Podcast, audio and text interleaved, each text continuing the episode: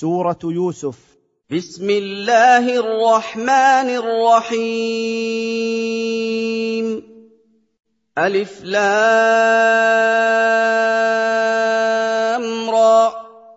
تلك آيات الكتاب المبين.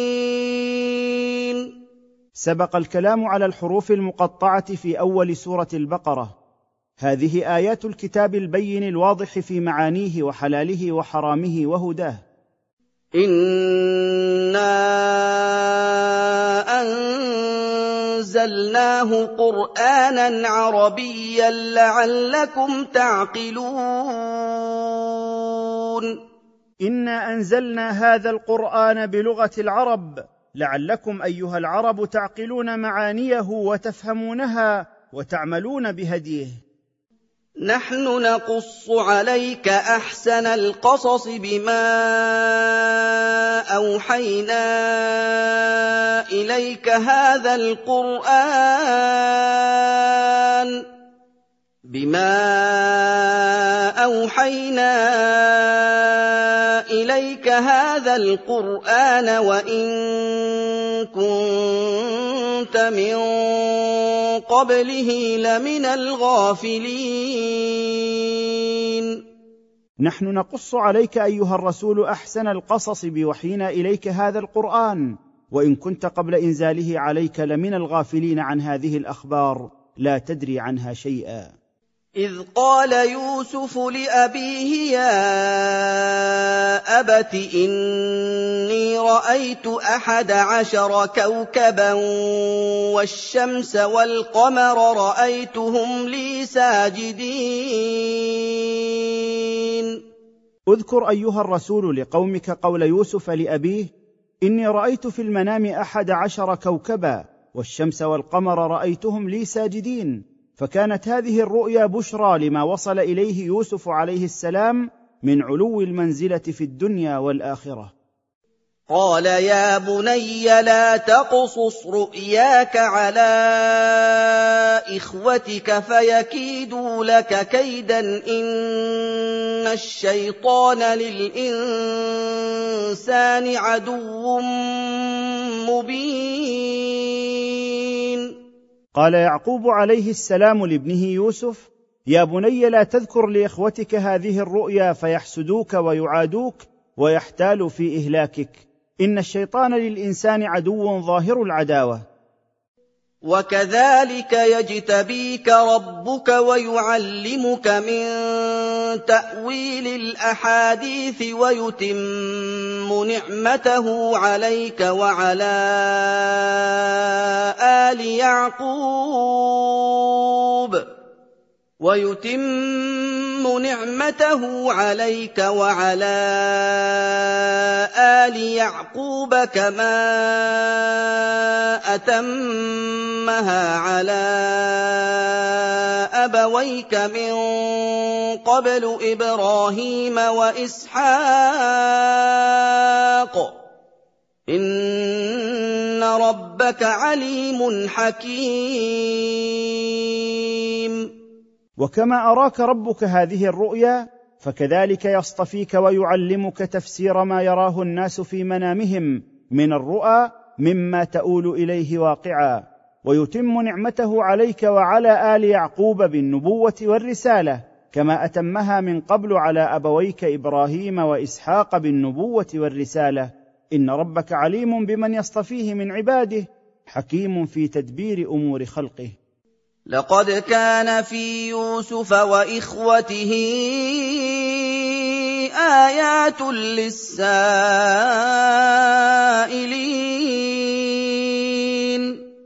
لقد كان في قصة يوسف وإخوته عبر وأدلة تدل على قدرة الله وحكمته لمن يسأل عن أخبارهم ويرغب في معرفتها. إذ قالوا ليوسف وأخوه أحب إلى أبينا منا ونحن عصبة إن أبانا لفي ضلال مبين. إذ قال إخوة يوسف من أبيه فيما بينهم إن يوسف وأخاه الشقيق أحب إلى أبينا منا يفضلهما علينا ونحن جماعة ذو عدد. إن أبانا لفي خطأ بين حيث فضلهما علينا من غير موجب نراه. اقتلوا يوسف أو اطرحوه أرضا يخل لكم وجه أبيكم وتكونوا من بعده قوما صالحين. اقتلوا يوسف أو ألقوا به في أرض مجهولة بعيدة عن العمران يخلص لكم حب أبيكم وإقباله عليكم ولا يلتفت عنكم إلى غيركم وتكونوا من بعد قتل يوسف أو إبعاده تائبين إلى الله مستغفرين له من بعد ذنبكم. قال قائل منهم لا تقتلوا يوسف وألقوه في غيابة الجب يلتقطه بعض السيارة إن كنتم فاعلين. قال قائل من إخوة يوسف لا تقتلوا يوسف وألقوه في جوف البئر يلتقطه بعض المارة من المسافرين فتستريحوا منه ولا حاجة إلى قتله إن كنتم عازمين على فعل ما تقولون. قالوا يا أبانا ما لك لا تأمنا على يوسف وإنا له لناصحون. قال إخوة يوسف بعد اتفاقهم على إبعاده يا أبانا ما لك لا تجعلنا أمناء على يوسف مع أنه أخونا؟ ونحن نريد له الخير ونشفق عليه ونرعاه ونخصه بخالص النصح. أرسله معنا غدا يرتع ويلعب وإنا له لحافظون. أرسله معنا غدا عندما نخرج إلى مراعينا يسعى وينشط ويفرح ويلعب بالاستباق ونحوه من اللعب المباح وإنا لحافظون له من كل ما تخاف عليه. قال إني ليحزنني أن تذهبوا به وأخاف أن يأكله الذئب وأنتم عنه غافلون. قال يعقوب إني ليؤلم نفسي مفارقته لي إذا ذهبتم به إلى المراعي وأخشى أن يأكله الذئب وأنتم عنه غافلون منشغلون. قالوا لئن أكله الذئب ونحن عصبة إنا إذا لخاسرون. قال إخوة يوسف لوالدهم لئن أكله الذئب ونحن جماعة قوية إنا إذا لخاسرون لا خير فينا ولا نفع يرجى منا. فلما ذهبوا به واجمعوا ان يجعلوه في غيابه الجب واوحينا اليه لتنبئنهم بامرهم هذا وهم لا يشعرون فارسله معهم فلما ذهبوا به وأجمعوا على إلقائه في جوف البئر وأوحينا إلى يوسف لتخبرن إخوتك مستقبلا بفعلهم هذا الذي فعلوه بك وهم لا يحسون بذلك الأمر ولا يشعرون به. وجاءوا أباهم عشاء يبكون. وجاء إخوة يوسف إلى أبيهم في وقت العشاء من أول الليل يبكون ويظهرون الأسف والجزع. قالوا يا أبانا إنا ذهبنا نستبق وتركنا يوسف عند متاعنا. وتركنا يوسف عند متاعنا فأكله الذئب وما أنت بمؤمن لنا ولو كنا صادقين. قالوا يا أبانا إنا ذهبنا نتسابق في الجري والرمي بالسهام وتركنا يوسف عند زادنا وثيابنا فلم نقصر في حفظه بل تركناه في مأمننا وما فارقناه إلا وقتا يسيرا فأكله الذئب. وما أنت بمصدق لنا ولو كنا موصوفين بالصدق لشدة حبك ليوسف. وجاءوا على قميصه بدم كذب. قال بل سولت لكم أنفسكم أمرا فصبر جميل والله المستعان على ما تصفون. وجاءوا بقميصه ملطخا بدم غير دم يوسف ليشهد على صدقهم فكان دليلا على كذبهم لأن القميص لم يمزق. فقال لهم أبوهم يعقوب عليه السلام ما الأمر كما تقولون؟ بل زينت لكم أنفسكم الأمارة بالسوء أمرا قبيحا في يوسف فرأيتموه حسنا وفعلتموه فصبري صبر جميل لا شكوى معه لأحد من الخلق. وأستعين بالله على احتمال ما تصفون من الكذب لا على حولي وقوتي. وجاءت سيارة فأرسلوا واردهم فأدلى دلوه قال يا بشرى هذا غلام وأسروه بضاعة والله عليم بما يعملون. وجاءت جماعة من المسافرين فأرسلوا من يطلب لهم الماء فلما أرسل دلوه في البئر تعلق بها يوسف ففرح وارد الماء وابتهج بالعثور على غلام وقال يا بشرى هذا غلام نفيس. وأخفى الوارد وأصحابه يوسف عن بقية المسافرين فلم يظهروه لهم وقالوا إن هذه بضاعة استبضعناها والله عليم بما يعملونه بيوسف. وشروه بثمن بخس دراهم معدودة وكانوا فيه من الزاهدين. وباعه إخوته للواردين من المسافرين بثمن قليل من الدراهم وكانوا زاهدين فيه راغبين في التخلص منه وذلك أنهم لا يعلمون منزلته عند الله. وقال الذي اشتراه من مصر لامرأته أكرمي مثواه عسى أن ينفعنا أو نتخذه ولدا. وكذلك مكنا ليوسف في الأرض ولنعلمه من تأويل الأحاديث والله غالب على أمره ولكن أكثر الناس لا يعلمون ولما ذهب المسافرون بيوسف إلى مصر اشتراه منهم عزيزها وهو الوزير وقال لامرأته أحسني معاملته واجعلي مقامه عندنا كريما لعلنا نستفيد من خدمته أو نقيمه عندنا مقام الولد. وكما أنجينا يوسف وجعلنا عزيز مصر يعطف عليه فكذلك مكنا له في أرض مصر.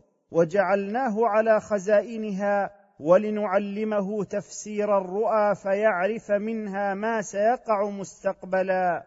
والله غالب على أمره فحكمه نافذ لا يبطله مبطل ولكن أكثر الناس لا يعلمون أن الأمر كله بيد الله. ولما بلغ أشده آتيناه حكما وعلما وكذلك نجزي المحسنين. ولما بلغ يوسف منتهى قوته في شبابه أعطيناه فهما وعلما. ومثل هذا الجزاء الذي جزينا به يوسف على إحسانه نجزي المحسنين على إحسانهم. وفي هذا تسلية للرسول صلى الله عليه وسلم. وراودته التي هو في بيتها عن نفسه وغلقت الأبواب وقالت هيت لك. قال معاذ الله إنه ربي. أحسن مثواي إنه لا يفلح الظالمون. ودعت امرأة العزيز برفق ولين يوسف الذي هو في بيتها إلى نفسها لحبها الشديد له وحسن بهائه وغلقت الأبواب عليها وعلى يوسف وقالت هلم إلي. فقال معاذ الله أعتصم به وأستجير من الذي تدعينني إليه. من خيانة سيدي الذي أحسن منزلتي وأكرمني فلا أخونه في أهله. إنه لا يفلح من ظلم ففعل ما ليس له فعله. ولقد همت به وهم بها لولا أن رأى برهان ربه. كذلك لنصرف عنه السوء والفحشاء. إنه من عبادنا المخلصين. ولقد مالت نفسها لفعل الفاحشة وحدثت يوسف نفسه حديث خطرات للاستجابة لولا أن رأى آية من آيات ربه تزجره عما حدثته به نفسه. وإنما أريناه ذلك لندفع عنه السوء والفاحشة في جميع أموره. إنه من عبادنا المطهرين المصطفين للرسالة الذين أخلصوا في عبادتهم لله وتوحيده.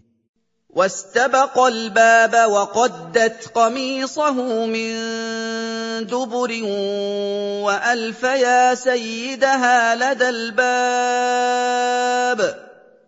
قالت ما جزاء من أراد بأهلك سوءا الا ان يسجن أو عذاب اليم.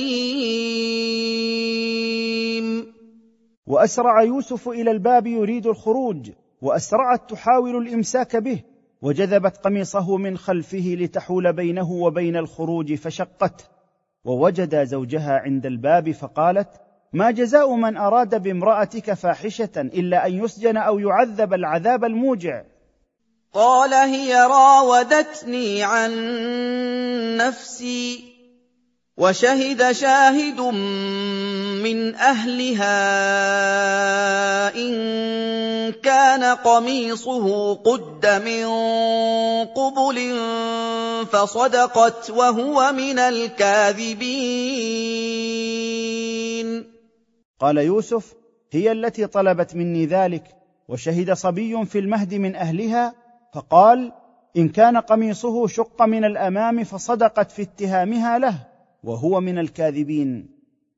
وإن كان قميصه قد من دبر فكذبت وهو من الصادقين. وإن كان قميصه شق من الخلف فكذبت في قولها وهو من الصادقين. فلما رأى قميصه قد من دبر قال إنه من كيدكن إن كيدكن عظيم.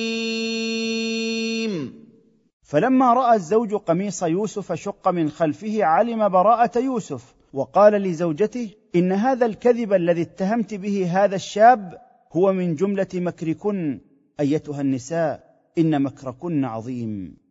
يوسف أعرض عن هذا واستغفري لذنبك إنك كنت من الخاطئين.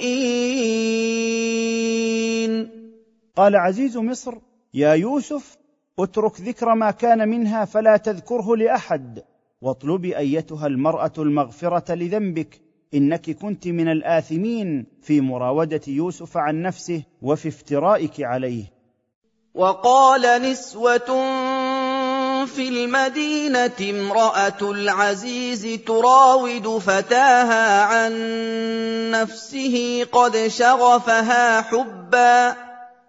تراود فتاها عن نفسه قد شغفها حبا إنا لنراها في ضلال مبين. ووصل الخبر إلى نسوة في المدينة فتحدثن به وقلن منكرات على امرأة العزيز امرأة العزيز تحاول غلامها عن نفسه وتدعوه إلى نفسها وقد بلغ حبها له شغاف قلبها وهو غلافه أنا لنراها في هذا الفعل لفي ضلال واضح. فلما سمعت بمكرهن ارسلت اليهن واعتدت لهن متكئا واتت كل واحدة منهن سكينا واتت كل واحدة منهن سكينا وقالت اخرج عليهن فلما راينه اكبرنه فلما راينه اكبرنه وقطعن ايديهن وقلن حاش لله ما هذا بشرا وقلن حاش لله ما هذا بشرا ان هذا الا ملك كريم فلما سمعت امراه العزيز بغيبتهن اياها واحتيالهن في ذمها ارسلت اليهن تدعوهن لزيارتها وهيات لهن ما يتكئن عليه من الوسائد وما ياكلنه من الطعام واعطت كل واحدة منهن سكينا ليقطعن الطعام ثم قالت ليوسف اخرج عليهن فلما راينه اعظمنه واجللنه واخذهن حسنه وجماله فجرحن ايديهن وهن يقطعن الطعام من فرط الدهشه والذهول وقلن متعجبات معاذ الله ما هذا من جنس البشر لأن جماله غير معهود في البشر ما هو إلا ملك كريم من الملائكة. قالت فذلكن الذي لمتنني فيه ولقد راودته عن نفسه فاستعصم. ولقد راودته عن نفسه فاستعصم ولئن لم يفعل ما امره ليسجنن وليكونن من الصاغرين قالت امرأة العزيز للنسوة اللاتي قطعن أيديهن فهذا الذي أصابكن في رؤيتكن اياه ما أصابكن؟ هو الفتى الذي لمتنني في الافتتان به ولقد طلبته وحاولت إغراءه ليستجيب لي فامتنع وأبى. ولئن لم يفعل ما آمره به مستقبلا ليعاقبن بدخول السجن ولا من الأذلاء. قال رب السجن أحب إلي مما يدعونني إليه وإلا تصرف عني كيدهن أصب إليهن وأكن من الجاهلين. قال يوسف مستعيذا من شرهن ومكرهن يا رب السجن أحب إلي مما يدعونني إليه من عمل الفاحشة وإن لم تدفع عني مكرهن أمل إليهن وأكن من السفهاء الذين يرتكبون الإثم لجهلهم بعواقبه. فاستجاب له ربه فصرف عنه كيدهن إنه هو السميع العليم. فاستجاب الله ليوسف دعاءه فصرف عنه ما أرادت منه امرأة العزيز وصواحباتها من معصية الله. إن الله هو السميع لدعاء يوسف ودعاء كل داع من خلقه العليم بمطلبه وحاجته وما يصلحه وبحاجة جميع خلقه وما يصلحهم. ثم بدا لهم بعد ما رأوا الآيات ليسجننه حتى حين. ثم ظهر للعزيز وأصحابه من بعد ما رأوا الأدلة على براءة يوسف وعفته أن يسجنوه إلى زمن يطول أو يقصر منعا للفضيحة. ودخل معه السجن فتيان قال أحدهما إني أراني أعصر خمرا وقال الآخر إني أراني أحمل فوق رأسي خبزا تأكل الطير منه. نبئنا بتأويله. إنا نراك من المحسنين. ودخل السجن مع يوسف فتيان. قال أحدهما إني رأيت في المنام أني أعصر عنبا ليصير خمرا. وقال الآخر إني رأيت أني أحمل فوق رأسي خبزا تأكل الطير منه. أخبرنا يا يوسف بتفسير ما رأينا أنا نراك من الذين يحسنون في عبادتهم لله ومعاملتهم لخلقه. قال لا يأتيكما طعام ترزقانه إلا نبأتكما بتأويله قبل أن يأتيكما. ذلكما مما علمني ربي. إِنِّي تَرَكْتُ مِلَّةَ قَوْمٍ لَّا يُؤْمِنُونَ بِاللَّهِ وَهُم بِالْآخِرَةِ هُمْ كَافِرُونَ. قال لهما يوسف لا ياتيكما طعام ترزقانه في حال من الاحوال إلا أخبرتكما بتفسيره قبل أن يأتيكما. ذلكما التعبير الذي سأعبره لكما مما علمني ربي. إني آمنت به وأخلصت له العبادة وابتعدت عن دين قوم لا يؤمنون بالله وهم بالبعث والحساب جاحدون. واتبعت ملة آبائي. إبراهيم وإسحاق ويعقوب. ما كان لنا أن نشرك بالله من شيء. ذلك من فضل الله علينا وعلى الناس ولكن أكثر الناس لا يشكرون واتبعت دين آبائي إبراهيم وإسحاق ويعقوب فعبدت الله وحده ما كان لنا أن نجعل لله شريكا في عبادته ذلك التوحيد بإفراد الله بالعبادة مما تفضل الله به علينا وعلى الناس ولكن أكثر الناس لا يشكرون الله على نعمة التوحيد والإيمان.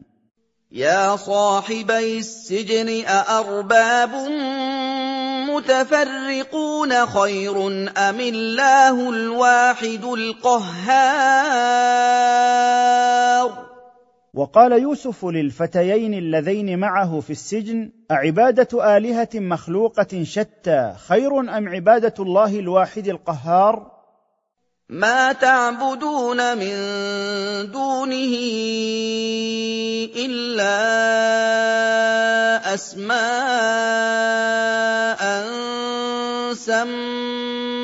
سميتموها. سميتموها أنتم واباؤكم ما انزل الله بها من سلطان إن الحكم إلا لله أمر ألا تعبدوا إلا إياه ذلك الدين القيم ولكن أكثر الناس لا يعلمون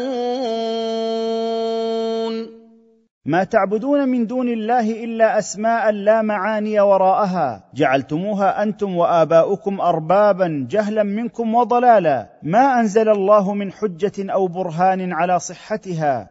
ما الحكم الحق إلا لله تعالى وحده؟ لا شريك له. أمر الا تنقادوا ولا تخضعوا لغيره وأن تعبدوه وحده.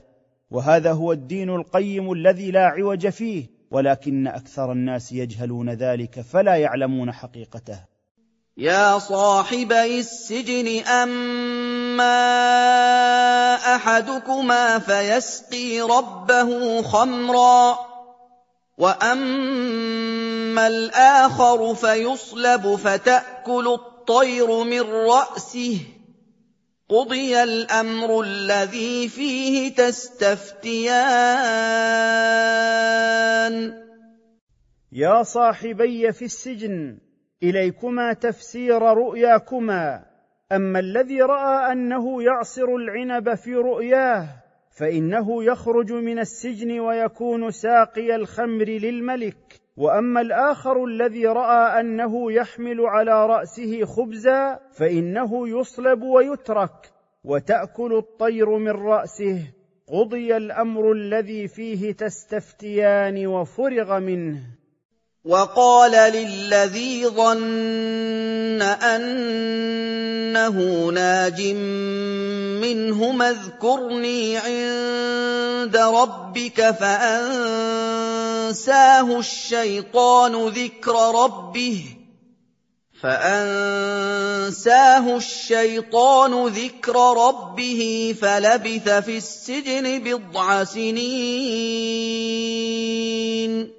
وقال يوسف للذي علم أنه ناج من صاحبيه اذكرني عند سيدك الملك وأخبره بأني مظلوم محبوس بلا ذنب. فأنسى الشيطان ذلك الرجل أن يذكر للملك حال يوسف فمكث يوسف بعد ذلك في السجن عدة سنوات.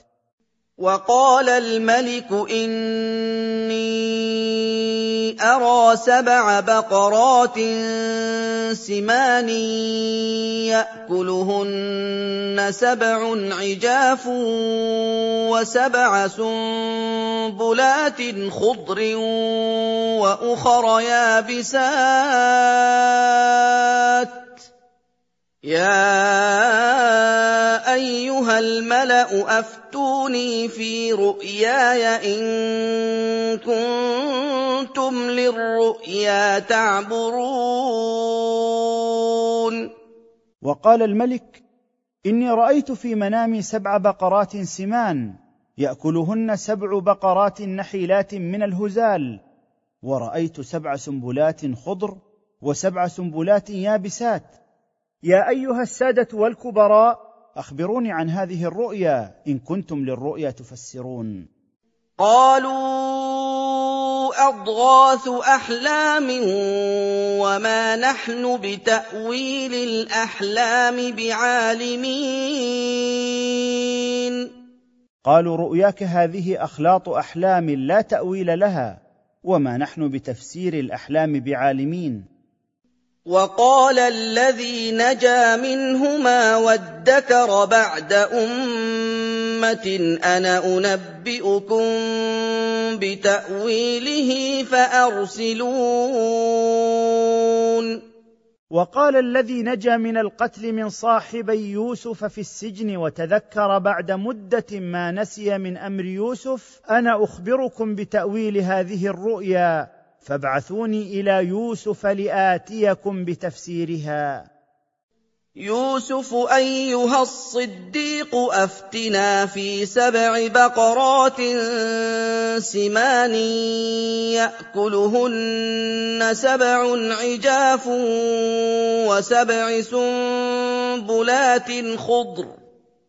وسبع سنبلات خضر وأخر يابسات لعلي أرجع إلى الناس لعلهم يعلمون.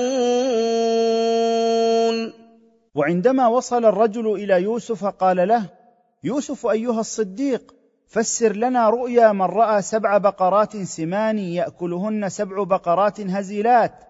ورأى سبع سنبلات خضر وأخر يابسات.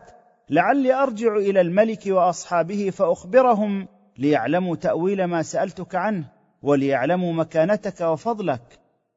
قال تزرعون سبع سنين دأبا فما حصدتم فذروه في سنبله إلا قليلا مما تأكلون. قال يوسف لسائله عن رؤيا الملك تفسير هذه الرؤيا أنكم تزرعون سبع سنين متتابعة جادين ليكثر العطاء فما حصدتم منه في كل مرة فادخروه واتركوه في سنبله ليتم حفظه من التسوس وليكون أبقى إلا قليلا مما تأكلونه من الحبوب. ثم يأتي من بعد ذلك سبع شداد يأكلن ما قدمتم لهن إلا قليلا مما تحصنون. ثم يأتي بعد هذه السنين الخصبة سبع سنين شديدة الجدب يأكل أهلها كل ما ادخرتم لهن من قبل. إلا قليلا مما تحفظونه وتدخرونه ليكون بذورا للزراعة.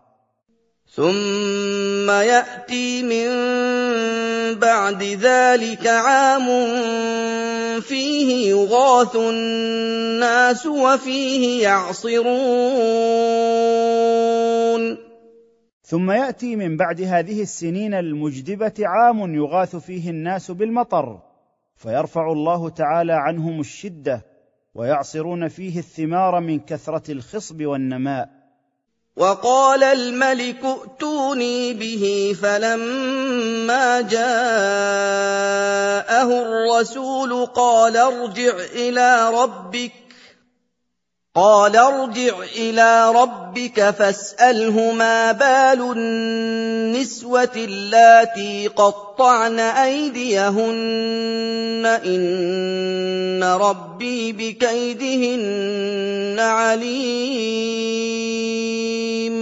وقال الملك لأعوانه أخرجوا الرجل المعبر للرؤيا من السجن وأحضروه لي. فلما جاءه رسول الملك يدعوه قال يوسف للرسول ارجع إلى سيدك الملك واطلب منه أن يسأل النسوة اللاتي جرحن أيديهن عن حقيقة أمرهن وشأنهن معي. لتظهر الحقيقة للجميع وتتضح براءتي. إن ربي عليم بصنيعهن وأفعالهن لا يخفى عليه شيء من ذلك. قال ما خطبكن إذ راوتن يوسف عن نفسه قلن حاش لله ما علمنا عليه من سوء قالت امرأة العزيز الآن حصحص الحق أنا راودته عن نفسه وإنه لمن الصادقين. قال الملك للنسوة اللاتي جرحن أيديهن ما شأنكن حين راودتن يوسف عن نفسه يوم الضيافة فهل رأيتن منه ما يريب؟ قلن معاذ الله ما علمنا عليه أدنى شيء يشينه. عند ذلك قالت امرأة العزيز الآن ظهر الحق بعد خفائه فأنا التي حاولت فتنته بإغرائه فامتنع وإنه لمن الصادقين في كل ما قاله. ذلك ليعلم اني لم اخنه بالغيب وان الله لا يهدي كيد الخائنين.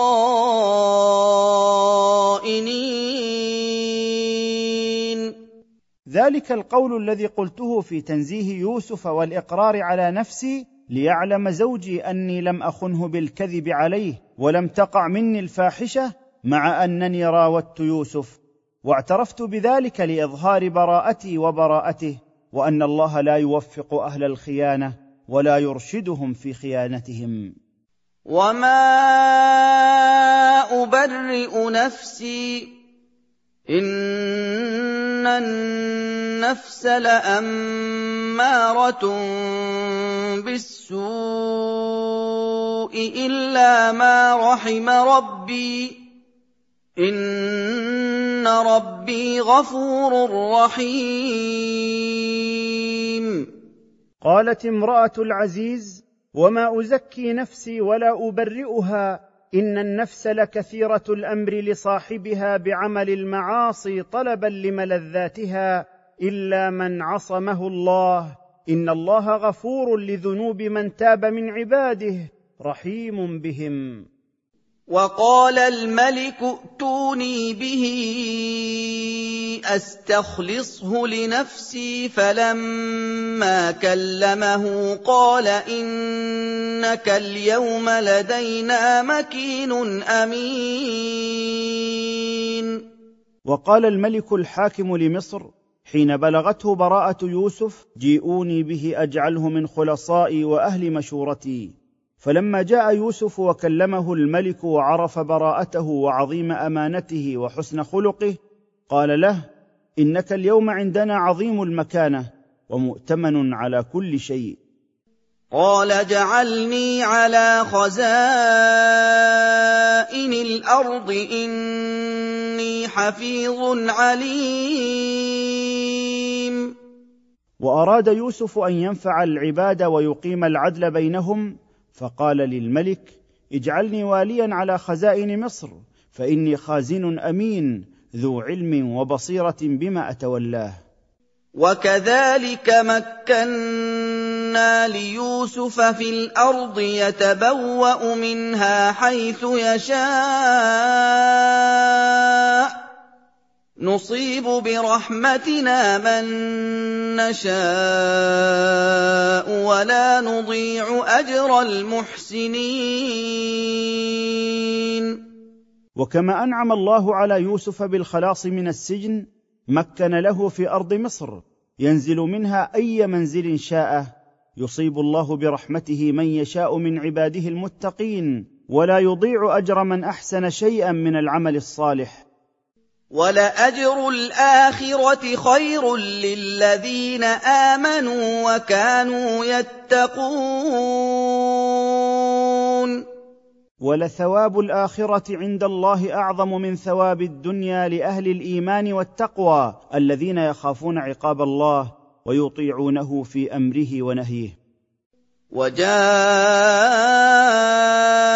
إخوة يوسف فدخلوا عليه فعرفهم وهم له منكرون. وقدم إخوة يوسف إلى مصر بعد أن حل بهم الجدب في أرضهم ليجلبوا منها الطعام فدخلوا عليه فعرفهم لقوة فراسته وذكائه ولم يعرفوه لطول المدة وتغير هيئته. ولما جهزهم بجهازهم قال ائتوني بأخ لكم من أبيكم ألا ترون أني أوفي الكيل وأنا خير المنزلين.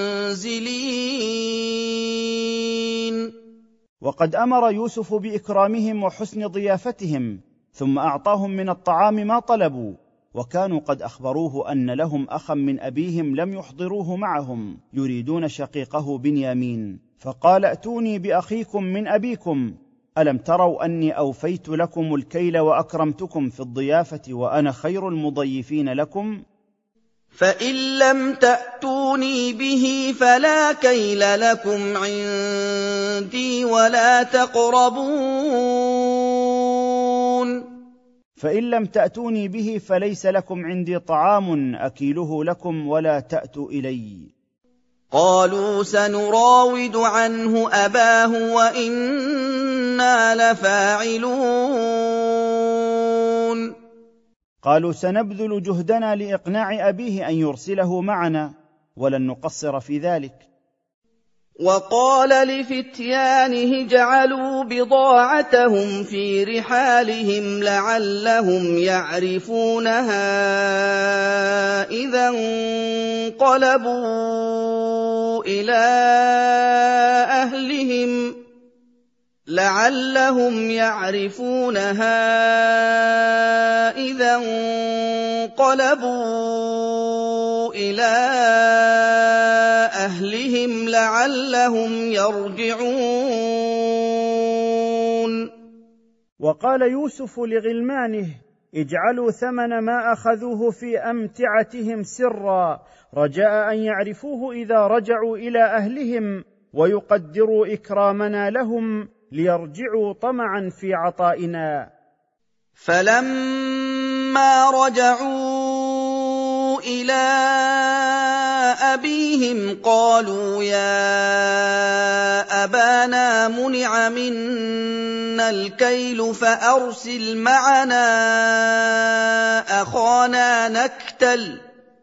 فارسل معنا اخانا نكتل وأنا له لحافظون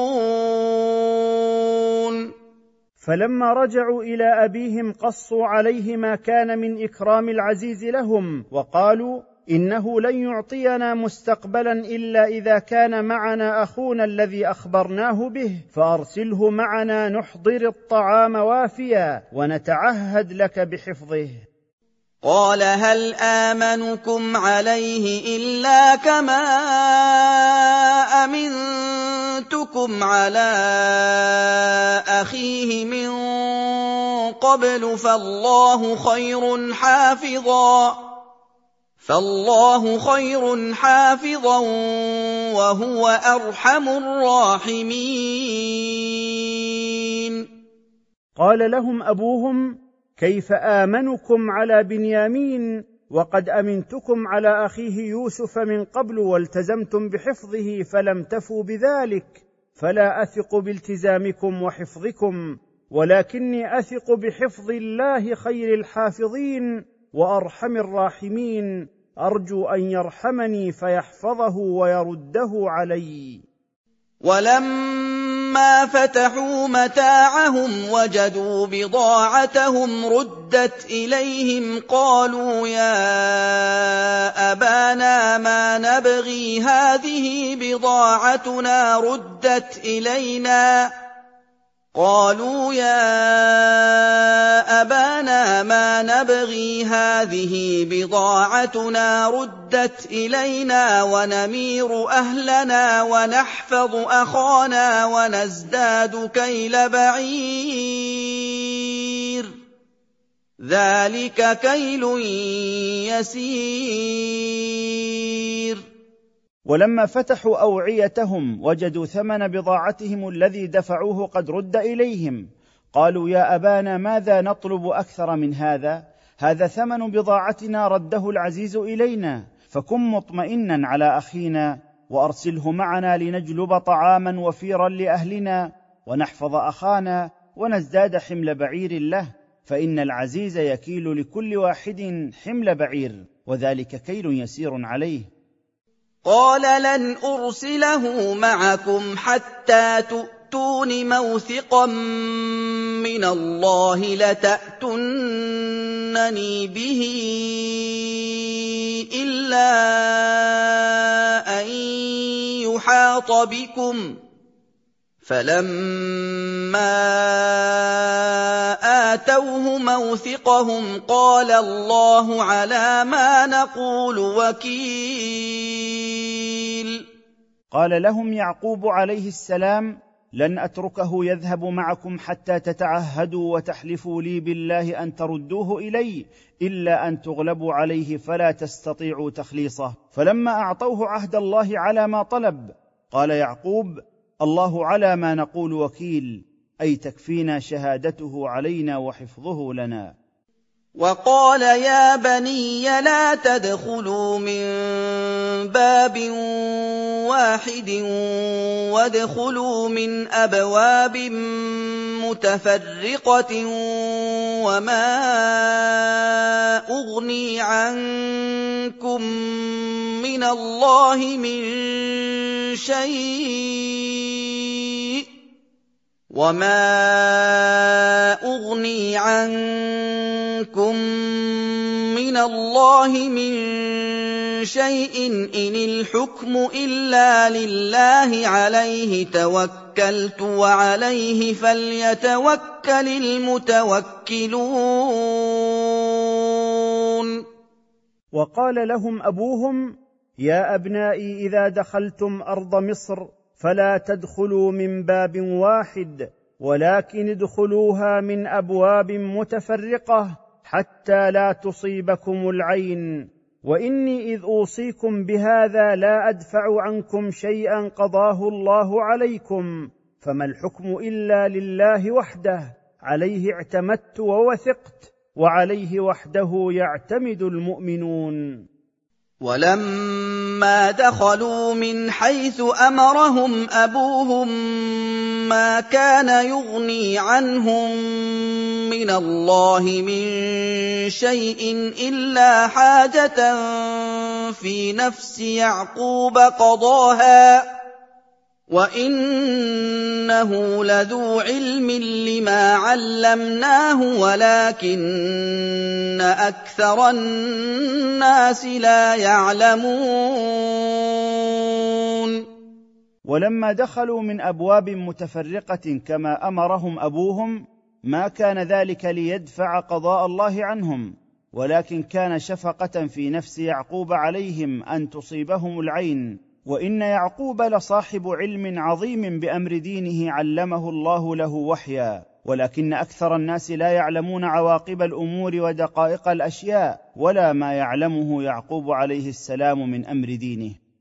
ولما دخلوا على يوسف آوى إليه أخاه قال إني أنا أخوك فلا تبتئس بما كانوا يعملون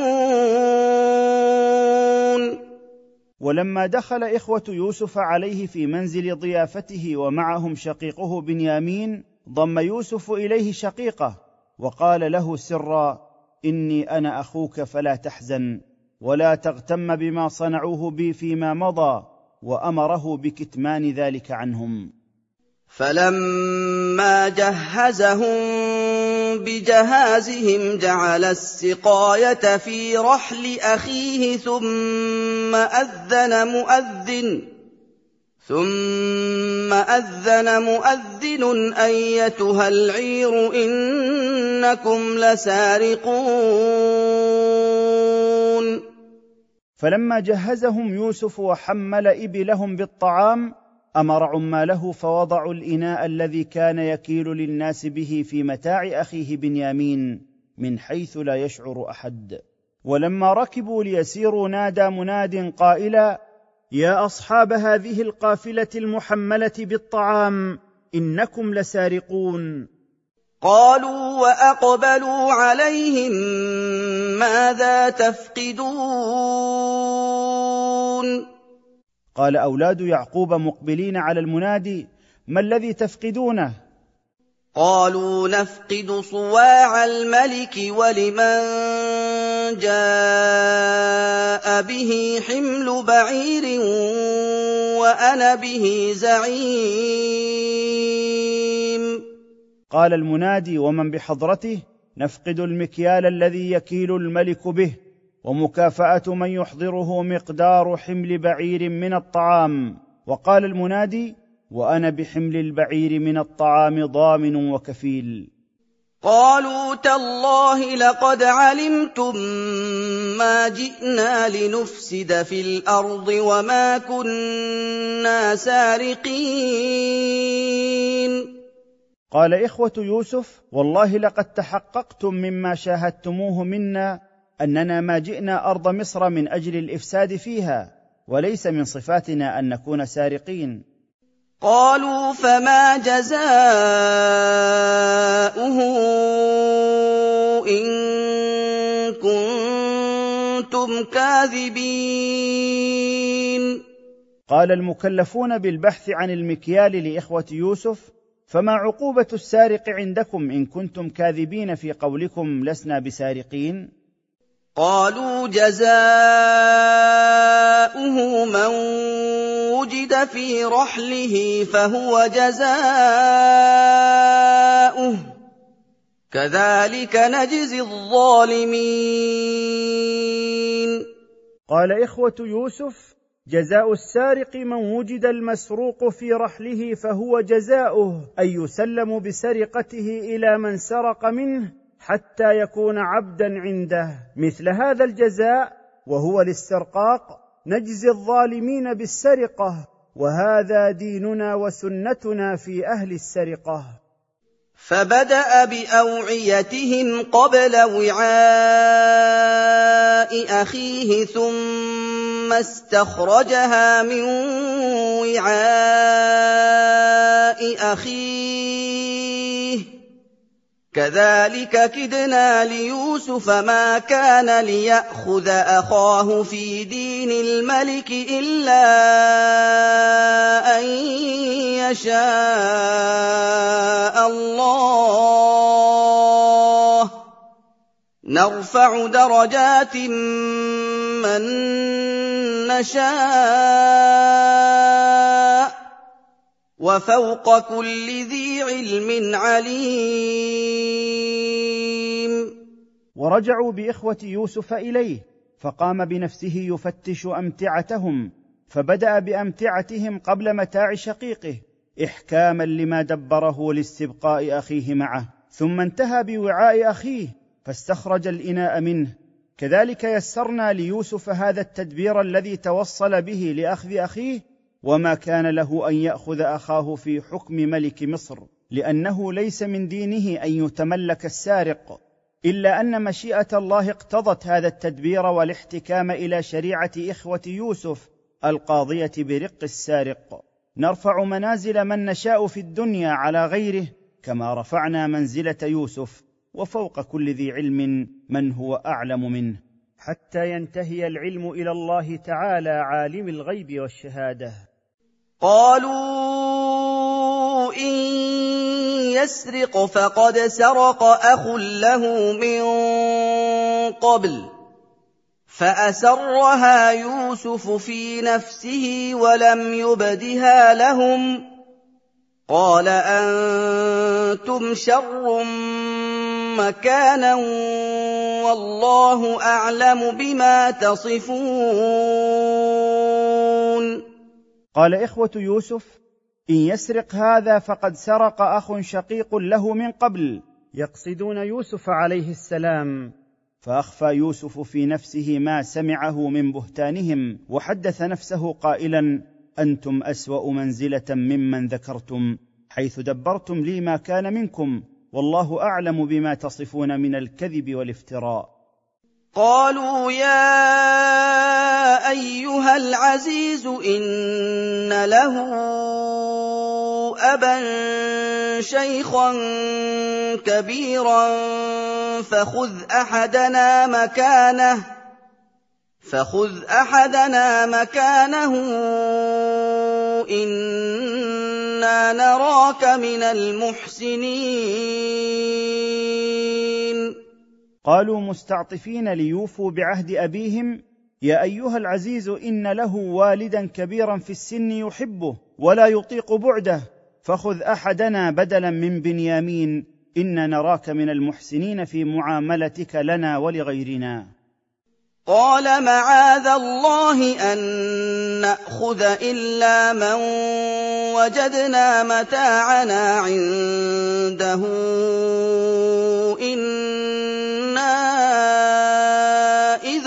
لظالمون. قال يوسف نعتصم بالله ونستجير به أن نأخذ أحدا غير الذي وجدنا المكيال عنده. كما حكمتم أنتم فإننا إن فعلنا ما تطلبون نكون في عداد الظالمين. فلما استيئسوا منه خلصوا نجيا. قال كبيرهم ألم تعلموا أن أباكم قد أخذ عليكم موثقا؟ قد أخذ عليكم موثقا من الله ومن قبل ما فرطتم في يوسف فلن أبرح الأرض حتى يأذن لي أبي فلن أبرح الأرض حتى يأذن لي أبي أو يحكم الله لي وهو خير الحاكمين فلما يئسوا من إجابته إياهم لما طلبوه انفردوا عن الناس وأخذوا يتشاورون فيما بينهم. قال كبيرهم في السن ألم تعلموا أن أباكم قد أخذ عليكم العهد المؤكد؟ لتردن أخاكم إلا أن تغلبوا. ومن قبل هذا كان تقصيركم في يوسف وغدركم به. لذلك لن أفارق أرض مصر حتى يأذن لي أبي في مفارقتها أو يقضي لي ربي بالخروج منها وأتمكن من أخذ أخي. والله خير من حكم وأعدل من فصل بين الناس. ارجعوا إلى أبيكم فقولوا يا أبانا إن ابنك سرق وما شهدنا إلا بما علمنا وما شهدنا إلا بما علمنا وما كنا للغيب حافظين. ارجعوا أنتم إلى أبيكم وأخبروه بما جرى وقولوا له إن ابنك بنيامين قد سرق. وما شهدنا بذلك إلا بعد أن تيقنا فقد رأينا المكيال في رحله وما كان عندنا علم الغيب أنه سيسرق حين عاهدناك على رده. واسأل القرية التي كنا فيها والعير التي أقبلنا فيها وإنا لصادقون. ولما رجعوا وأخبروا أباهم بما حدث وطلبوا منه أن يتوثق مما أخبروه قائلين واسأل يا أبانا أهل مصر ومن كان معنا في القافلة التي عدنا فيها وإنا لصادقون فيما أخبرناك به. قال بل سولت لكم أنفسكم أمرا فصبر جميل عسى الله أن يأتيني بهم جميعا. إِنَّهُ هُوَ الْعَلِيمُ الْحَكِيمُ. قال لهم بل زينت لكم أنفسكم الأمارة بالسوء مكيدة دبرتموها كما فعلتم من قبل مع يوسف. فصبري صبر جميل لا جزع فيه ولا شكوى معه. عسى الله أن يرد إلي أبناء الثلاثة وهم يوسف وشقيقه وأخوهم الكبير المتخلف من أجل أخيه. إنه هو العليم بحالي الحكيم في تدبيره. وتولى عنهم وقال يا أسفا على يوسف وابيضت عيناه من الحزن فهو كظيم. وأعرض يعقوب عنهم وقد ضاق صدره بما قالوه وقال يا حسرة على يوسف وابيضت عيناه بذهاب سوادهما من شدة الحزن فهو ممتلئ القلب حزنا ولكنه شديد الكتمان له. قالوا تالله تفتأ تذكر يوسف حتى تكون حرضا أو تكون من الهالكين. قال بنوه تالله ما تزال تتذكر يوسف ويشتد حزنك عليه حتى تشرف على الهلاك أو تهلك فعلا فخفف عن نفسك. قال إنما أشكو بثي وحزني إلى الله وأعلم من الله ما لا تعلمون. قال يعقوب مجيبا لهم لا أظهر همي وحزني إلا لله وحده فهو كاشف الضر والبلاء وأعلم من رحمة الله وفرجه ما لا تعلمونه.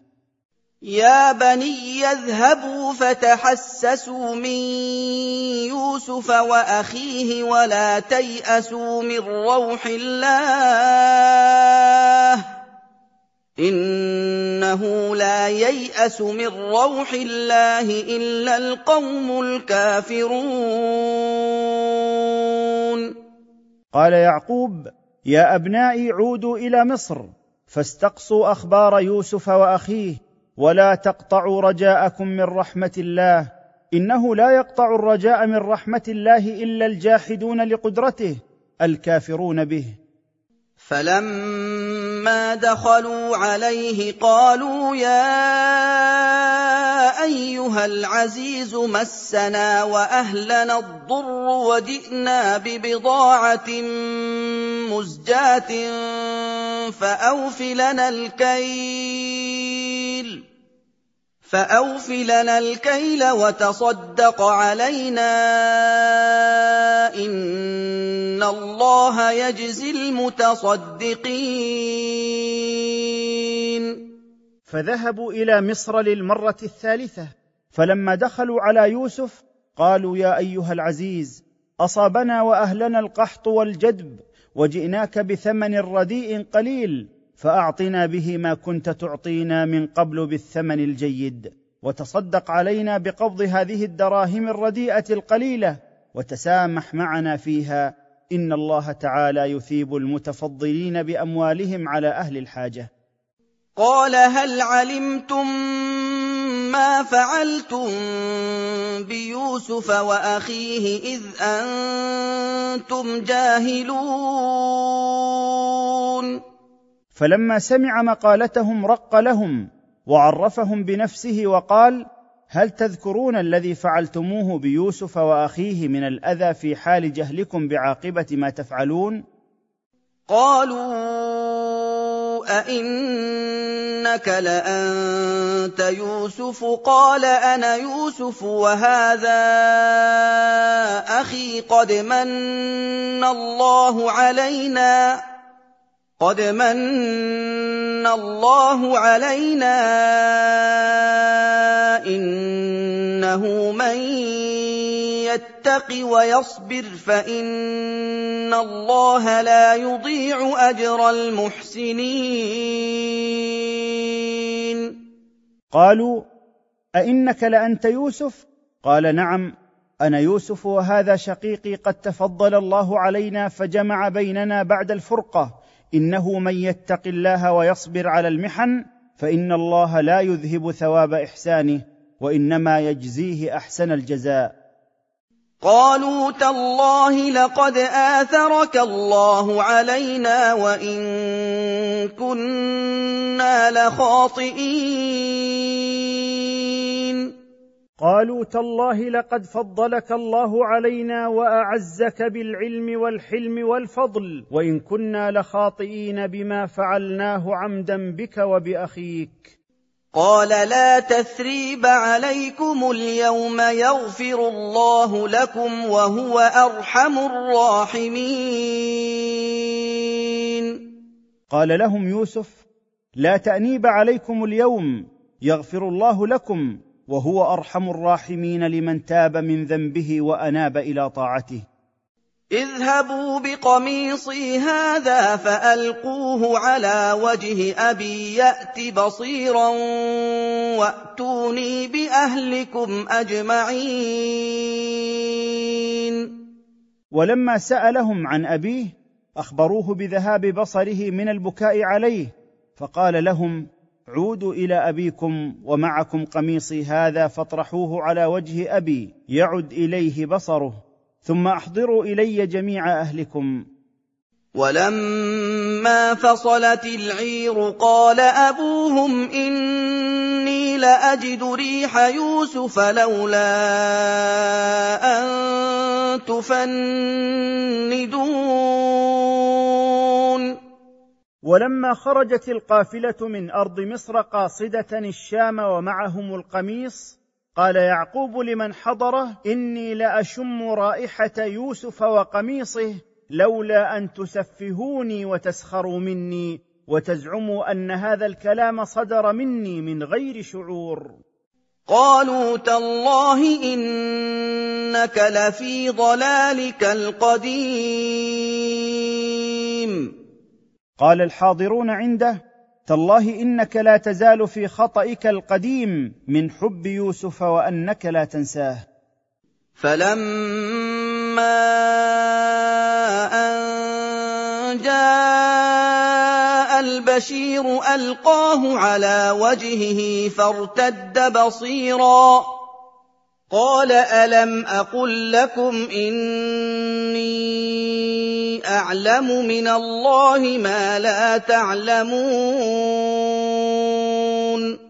فلما أن جاء من يبشر يعقوب بأن يوسف حي وطرح قميص يوسف على وجهه فعاد يعقوب مبصرا وعمه السرور فقال لمن عنده ألم أخبركم أني أعلم من الله ما لا تعلمونه من فضل الله ورحمته وكرمه؟ قالوا يا أبانا استغفر لنا ذنوبنا إنا كنا خاطئين.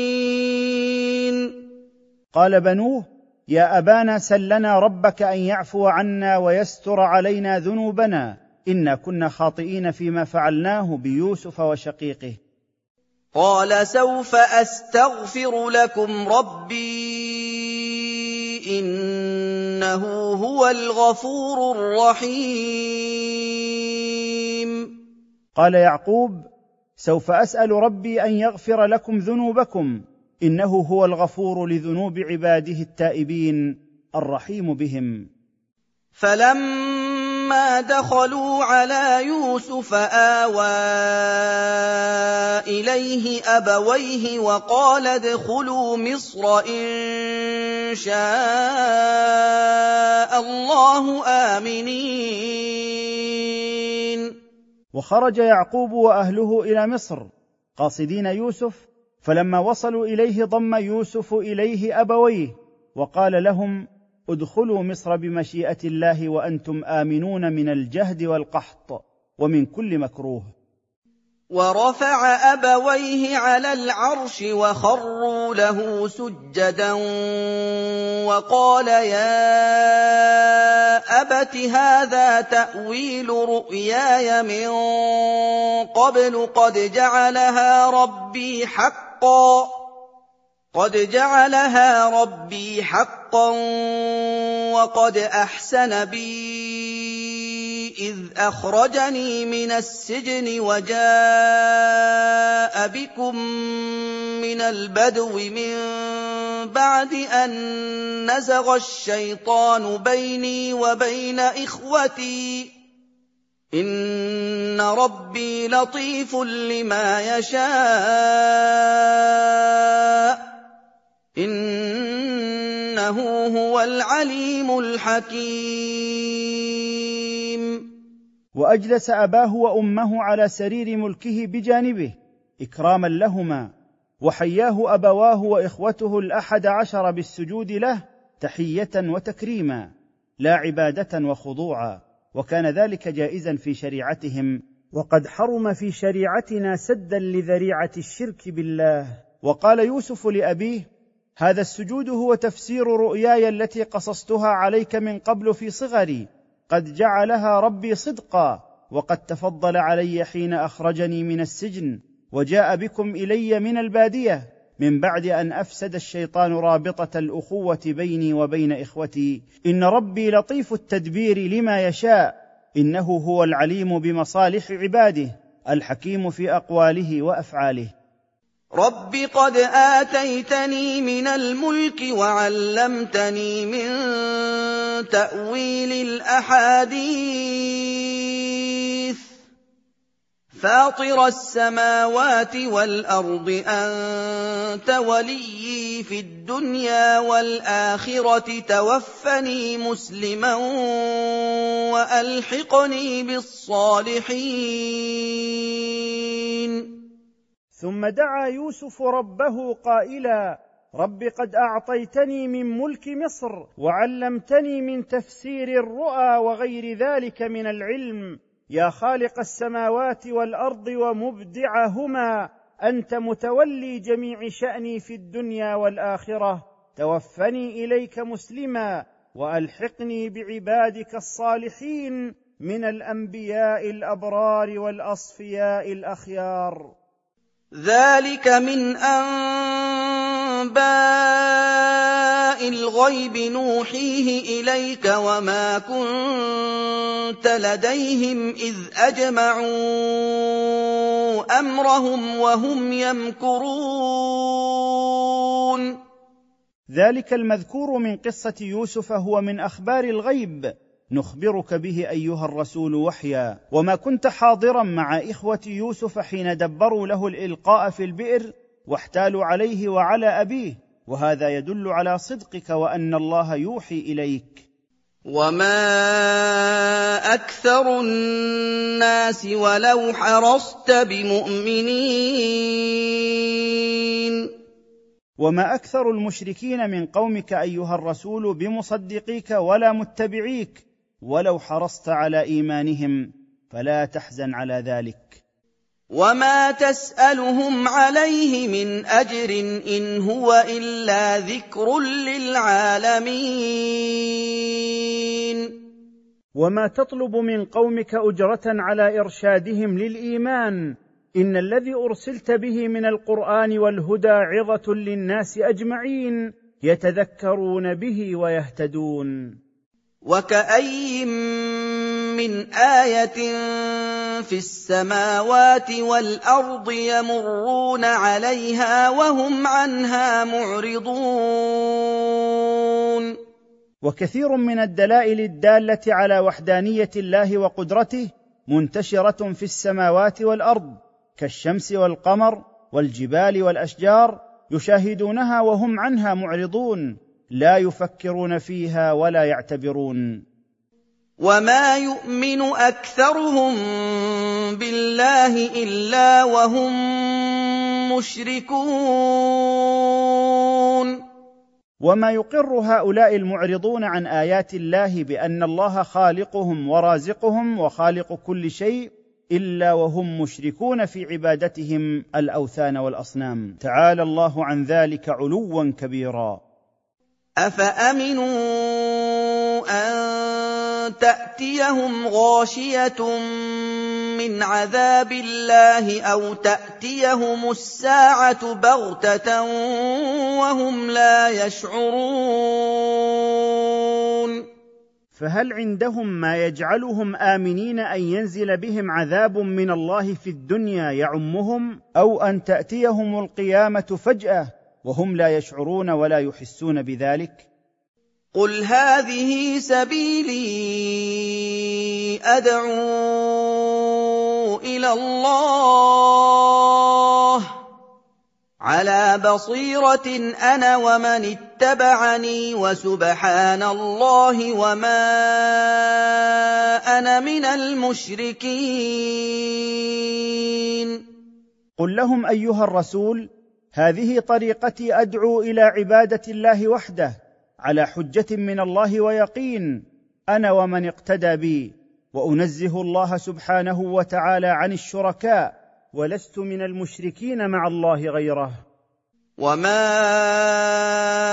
أرسلنا من قبلك إلا رجالا نوحي إليهم من أهل القرى أفلم يسيروا في الأرض فينظروا كيف كان عاقبة الذين من قبلهم ولدار الآخرة خير للذين اتقوا أفلا تعقلون وما ارسلنا من قبلك ايها الرسول للناس الا رجالا منهم ننزل عليهم وحينا وهم من أهل الحاضره فهم أقدر على فهم الدعوه والرساله يصدقهم المهتدون للحق ويكذبهم الضالون عنه افلم يمشوا في الأرض فيعاينوا كيف كان مال المكذبين السابقين وما حل بهم من الهلاك ولثواب الدار الآخرة أفضل من الدنيا وما فيها للذين آمنوا وخافوا ربهم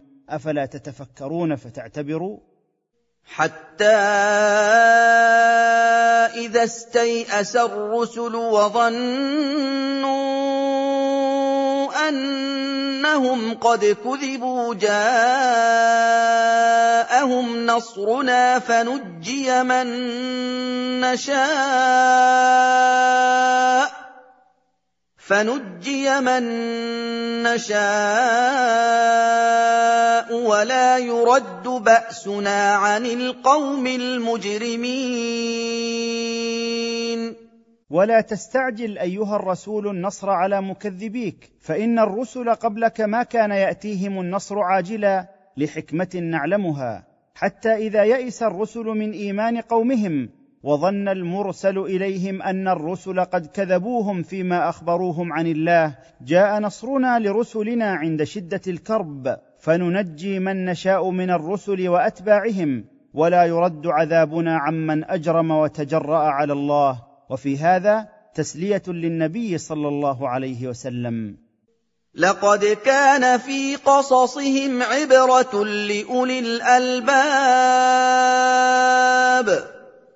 ما كان حديثا يفترى ولكن تصديق الذي بين يديه وتفصيل كل شيء وهدى ورحمة لقوم يؤمنون. لقد كان في نبأ المرسلين الذي قصصناه عليك وما حل بالمكذبين عظة لأهل العقول السليمة. ما كان هذا القرآن حديثا مكذوبا مختلقا ولكن أنزلناه شاهدا على صدق ما تقدمه من الكتب المنزلة وأنها من عند الله.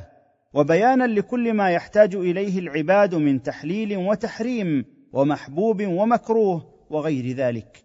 وارشادا من الضلال ورحمة لأهل الإيمان تهتدي به قلوبهم فيعملون بما فيه من الأوامر والنواهي.